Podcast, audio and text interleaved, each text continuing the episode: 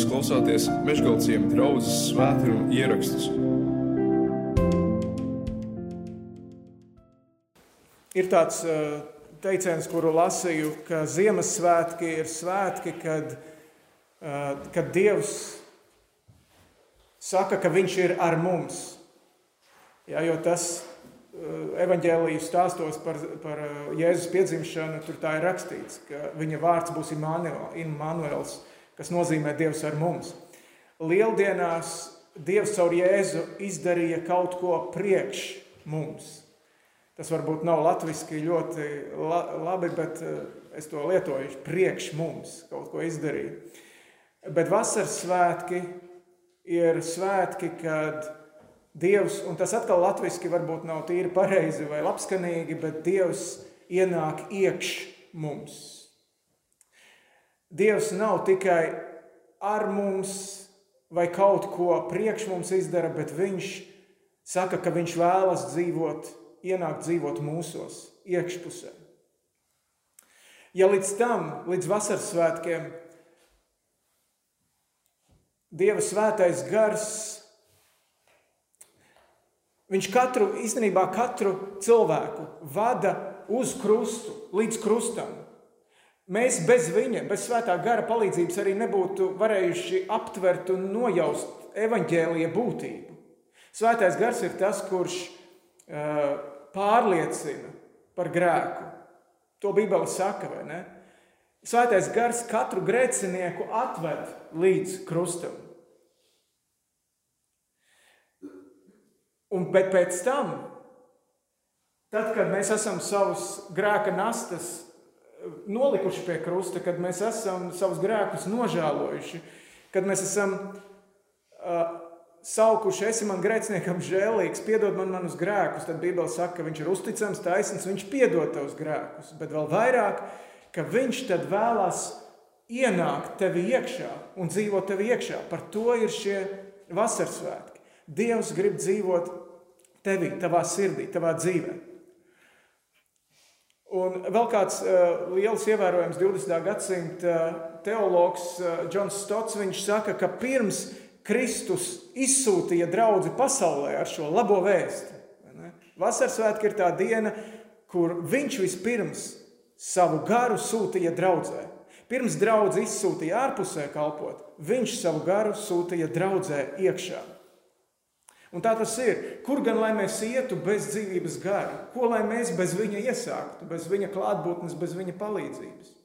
Un tāpēc dažas domas šeit no šī mums dzirdētā eh, notikuma, kas rakstīts apakstuļu darbu eh, grāmatā.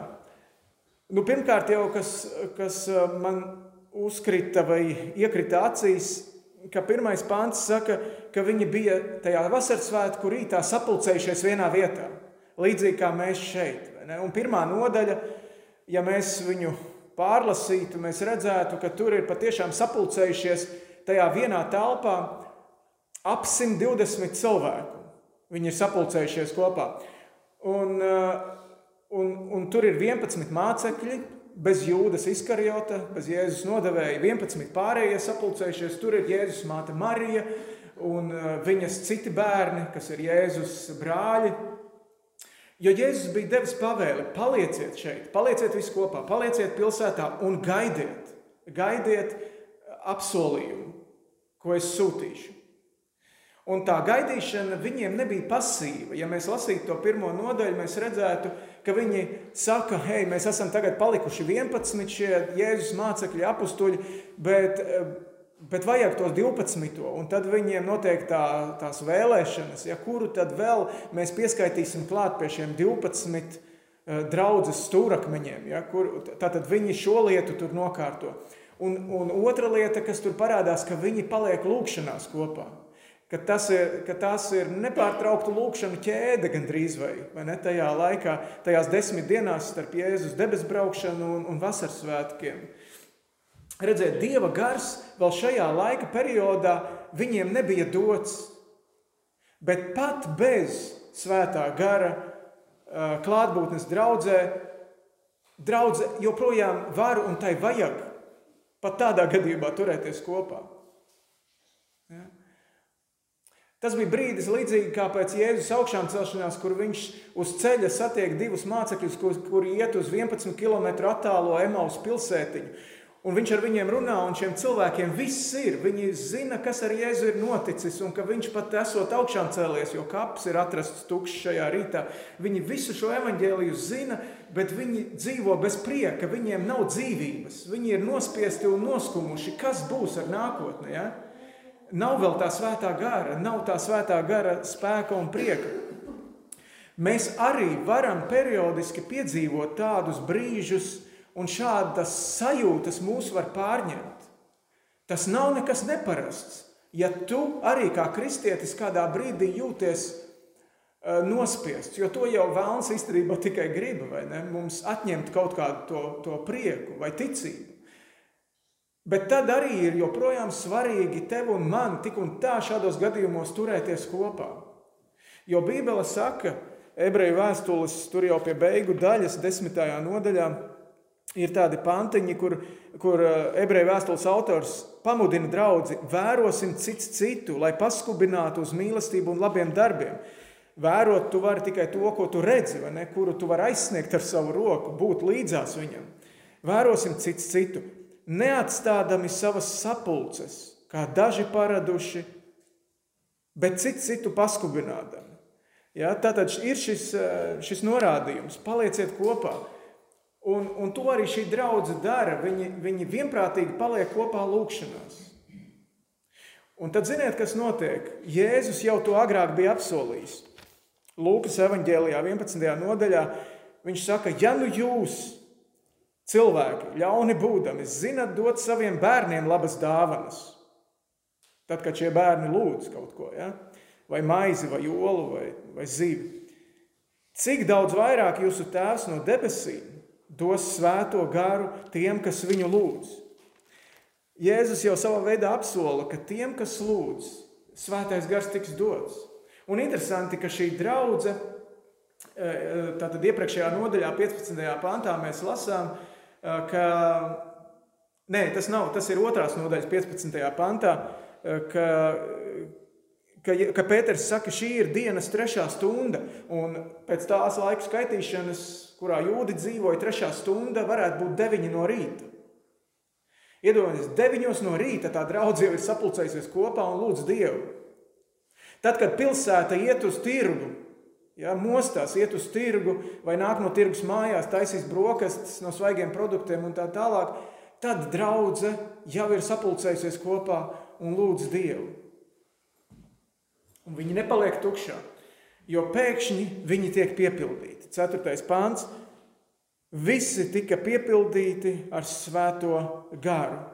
Šis vārds, kas šeit grieķu valodā tiek lietots, viņš nozīmē eh, nu, tāds tā kā trauks, ja iedomājamies kaut kādu vāzi vai glāzi, kas tiek piepildīts līdz malām. Tik tālu, ka viņš jau sāk uh, līt pāri malām. Tā viņi tika piepildīti. Un Lūka kurš ir rakstījis gan evaņģēlīgu, gan arī apstuļu darbus, šis Lūkas šo vārdu lieto ļoti bieži īstenībā. Viņa rakstos šis vārds ir pie, bieži. Viņš runā par cilvēkiem, piemēram, par Jāni Kristītāju, kurš vēl bija mātes miesās un svētais gars viņu jau piepildīja. Vai, ne, vai arī viņa vecāki, Jāņa Kristītāja vecāki tika piepildīti, un tad viņi slavēja Dievu par notikumiem, kurus viņi ieraudzīja savā, savā apkārtnē, caur šiem Dieva brīnumiem. Eh, Lūka šo vārdu lieto. Šeit viņš saka, ka pat telpa tiek piepildīta. Otrais pants eh, piepeši nāca, no debesīm nāca rūkoņi, it kā stiprs vējš pūša un pūstu un piepildīja visu namu. Pat telpa tiek piepildīta ar skaņu, ko var dzirdēt ārpusē, kas iet pāri malām, kas iet ārpus šīs baznīcas sienām, ja tā var teikt. Piepildītu kristieti ir jādzird. Ja kristietis ir piepildīts ar svēto garu, viņi ir jādzird. Jēzus saka, no sirds pilnības mute runā. Pagājušajā nedēļā mēs saņēmām tādu kravu no, no Vācijas, kur atnāca tās medicīniskās gultas. Es, es jau teicu, bija, mēs ar vīriem sapulcējāmies, lai izkrautu viņas, viņas tādas diezgan smagas. Un, un es biju savus kaimiņus paaicinājis arī tur dažus vīrus, ne, un, un, un tā. Un tad, kad mēs atbraucām mājās, mēs vēl ar Amadeju, starp citu, Amadejs jā, bija ieradies šeit. Viņš vēl tagad ir Latvijā, viņš tikai ir otrā Latvijas galā, pļaviņās šodien sludina. Uh, bet mēs ar Amadeju vēl tur stāvējām, runājām, un tur netālu arī tie divi mani kaimiņi. Un pēkšņi es iedomājos, mums taču bija laulāto kurs šeit tikko, un tas bija tik labs, es piegāju pie viņiem klāt, es teicu, zini, kā ir, mēs rudenī gribētu atsākt, nu, vēlreiz iziet cauri tam laulāto kursam, vai jūs savas sievas negribētu paaicināt, jo tas bija kaut kas eh, tik jauks, eh, nu, attiecību veidošanās starp vīru un sievu, Un tā es viņiem pastāstīju par šo iespēju un, un, un teicu, ka es viņiem vēl, ja viņi gribētu rudenī, kā teikt, došu atgādinājumu par šo lietu. Un, tā, un pēc tam Amadejs eh, man nākamajā dienā viņš teica, es biju tik pārsteigts, cik tu tā, tā vienkārši piegāji viņiem klāt un to pateici bez atvainošanās un kaut kā tā, ka es te jūs negribētu traucēt, bet tā, nu, tā kā mēs kādreiz, ne, eh, evaņģēliju domājam, ka mēs tā uzbāzīsimies cilvēkiem ar kaut ko.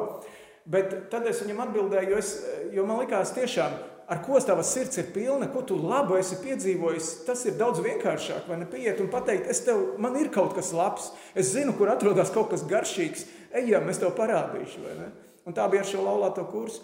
Ne jau vienmēr man ir tik viegli runāt ar cilvēkiem un kaut ko labu par Dievu pateikt. Nedomājiet to, bet, bet tā tas ir. Ja tavs sirds ir pilna ar kaut ko labu, iet pāri malām, tad tas ir daudz vienkāršāk, vai ne? Būt dzirdamam, aiziet ar šo labo vēsti eh, pie kāda un, un to pateikt.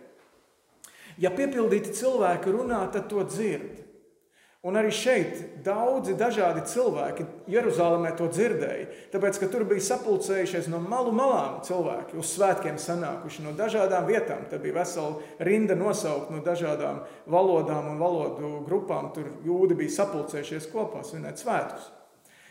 Bet draudzē runāja tajā brīdī skaidri un saprotami. 11. pāntā šie apjukušie cilvēki, kas viņus dzird, viņi saka, mēs dzirdam tos mūsu pašu valodās, Dieva lielos darbus paužam. Un tā ir tāda nu, tā lieta, kas draudzēji arī šodien ir jādara, ka draudzēs liecībai šodien ir jābūt saprotamai. Es arī kaut kad nedēļu vai divas atpakaļ, samērā nesen kādu ar, arī vīru centrā satiku, un mēs tur eh, par, par kaut ko tur runājām, un viņš teica, ka viņš ir mēģinājis jauno derību lasīt, eh, kādi tur no viņa radiem ir, ir arī iet uz baznīcu, viņš teica, es mēģināju lasīt, es neko nesapratu. Nu, redziet, draudzēji ir jāiztulko, ja, draudzēji ir jādara saprotami šie senie vārdi, bet kuri ir tik uh, vajadzīgi arī tieši mums šajā 21. gadsimta situācijā. Draudzēji tos ir jāpārtulko, jādara eh, saprotams. Gan ar vārdiem, un ne tikai no kanceles, bet katrā iespējā, kur nu mums tādas varētu būt. Eh, bet arī ar darbiem jāparāda, ka tas, kam es ticu, ko es lasu, to es arī praktizēju.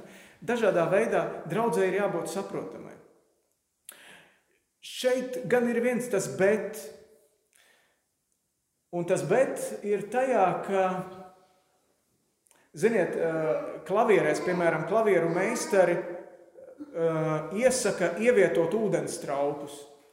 Jo tas ūdens trauks to, to klavieru telpā veido to mikroklimatu, ja? to vajadzīgo mitruma līmeni uztur, lai tās klavieres neizžūtu. Mums arī mājās ir, bet ja es tagad aizbraukšu mājās un paskatīšos, es domāju, ka tas trauks būs tukšs. Tāpēc, ka viņu regulāri ir jāuzpilda to trauku ar ūdeni, ko tu tur ieliec tajās klavierēs.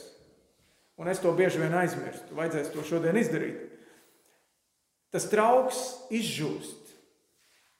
Kas notiek ar to trauku, kas ir mūsu sirsniņā, kur tas svētais gars ir iepildījies? Un mēs bieži vien jūtam, ka jā, ir tas kaut kāds kalngals, ir bijis pacēlums, un tad kaut kā eh, nav vairs tā uzņēmiena, nav vairs tā ātruma, nav to apgrieziena, nav tā tempa. Nav vairs tas, kas ir noticis. Un tāpēc mums ir dota šī pavēle Bībelē tapt gara pilniem. Un šis vārds nozīmē nepārtrauktu piepildīšanos ar svēto garu. Tas nav vienreizējs notikums. Pāvils eh, vēstulē Efesiešiem 5. nodaļā saka, neaprēbinieties ar vīnu, no kā ceļas izlaidīga dzīve, bet topiet. Un šeit ir tas vārds topiet, tātad nemitīgi, nemitīgi topiet gara pilni. Tātad mums ir regulāri jārūpējas par pilnumu. Mēs ar Sandru dažas dienas atpakaļ bijām līdz Bernātiem aizbraukuši un nācām no jūrmālas atpakaļ. Tur viens vīrs taisījās ar riteni braukt, laikam pa tām kāpām un viss. Pirmais, ko viņš darīja, viņš izņēma laukā, atstutēja pret koku ja, un atnāca ar pumpi.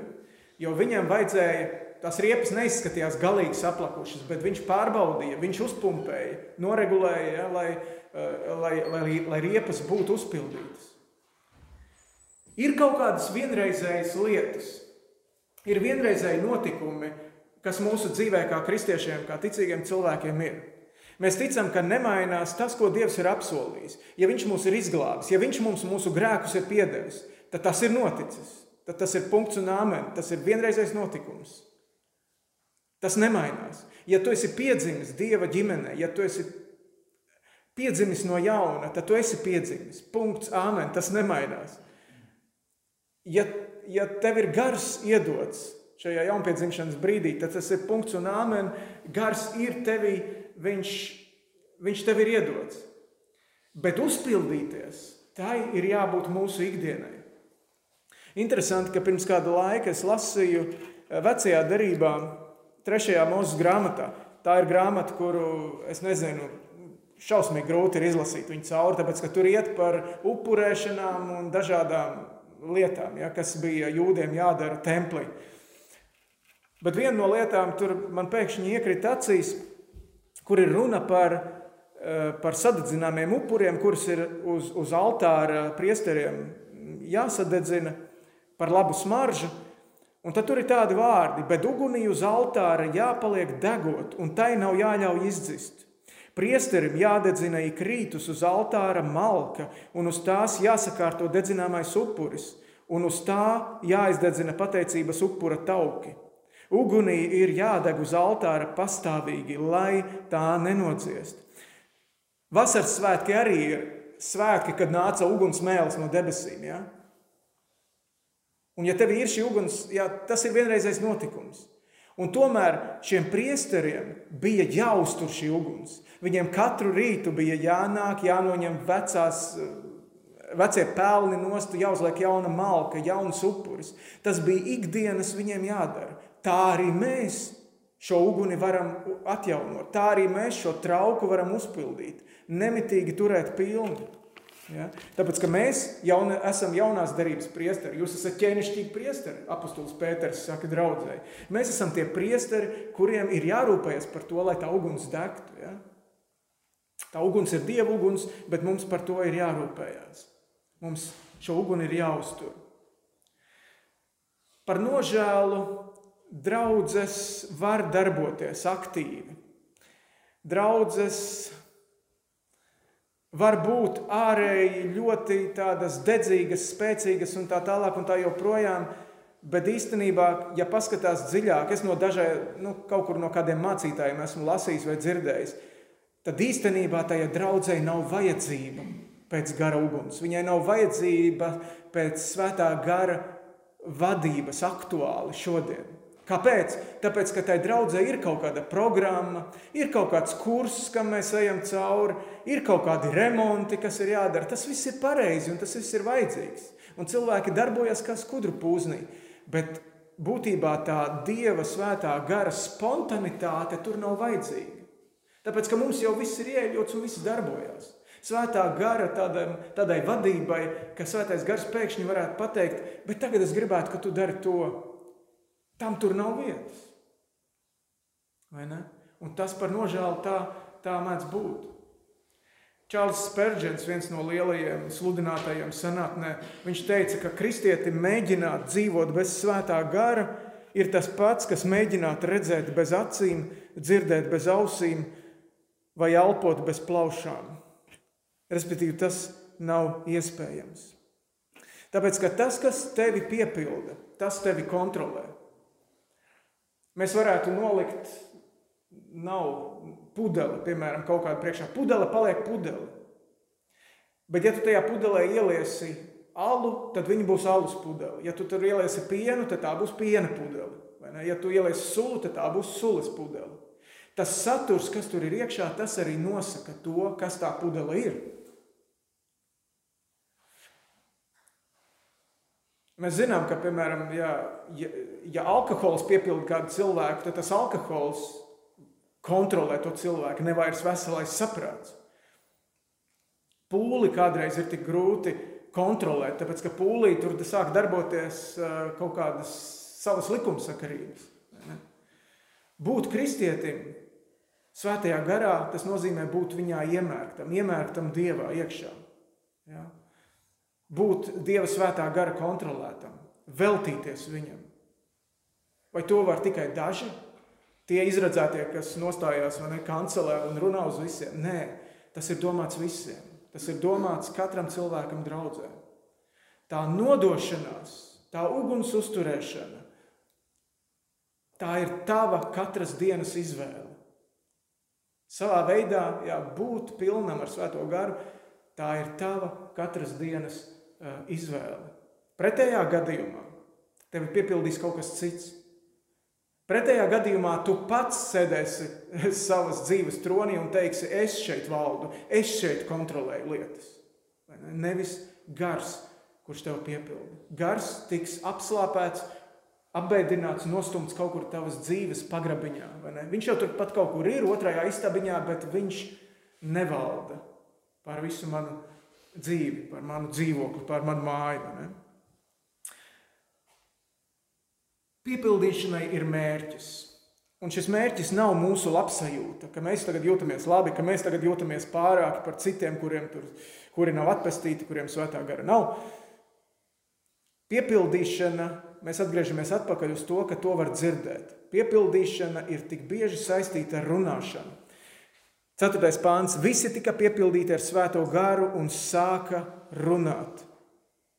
Ja mēs pašķirtu šeit dažas lapas uz priekšu, 4. nodaļā apstuļi par to, ka viņi runā, viņi tiek apcietināti, viņi tiek brīdināti nerunāt Jēzus Kristus vārdā.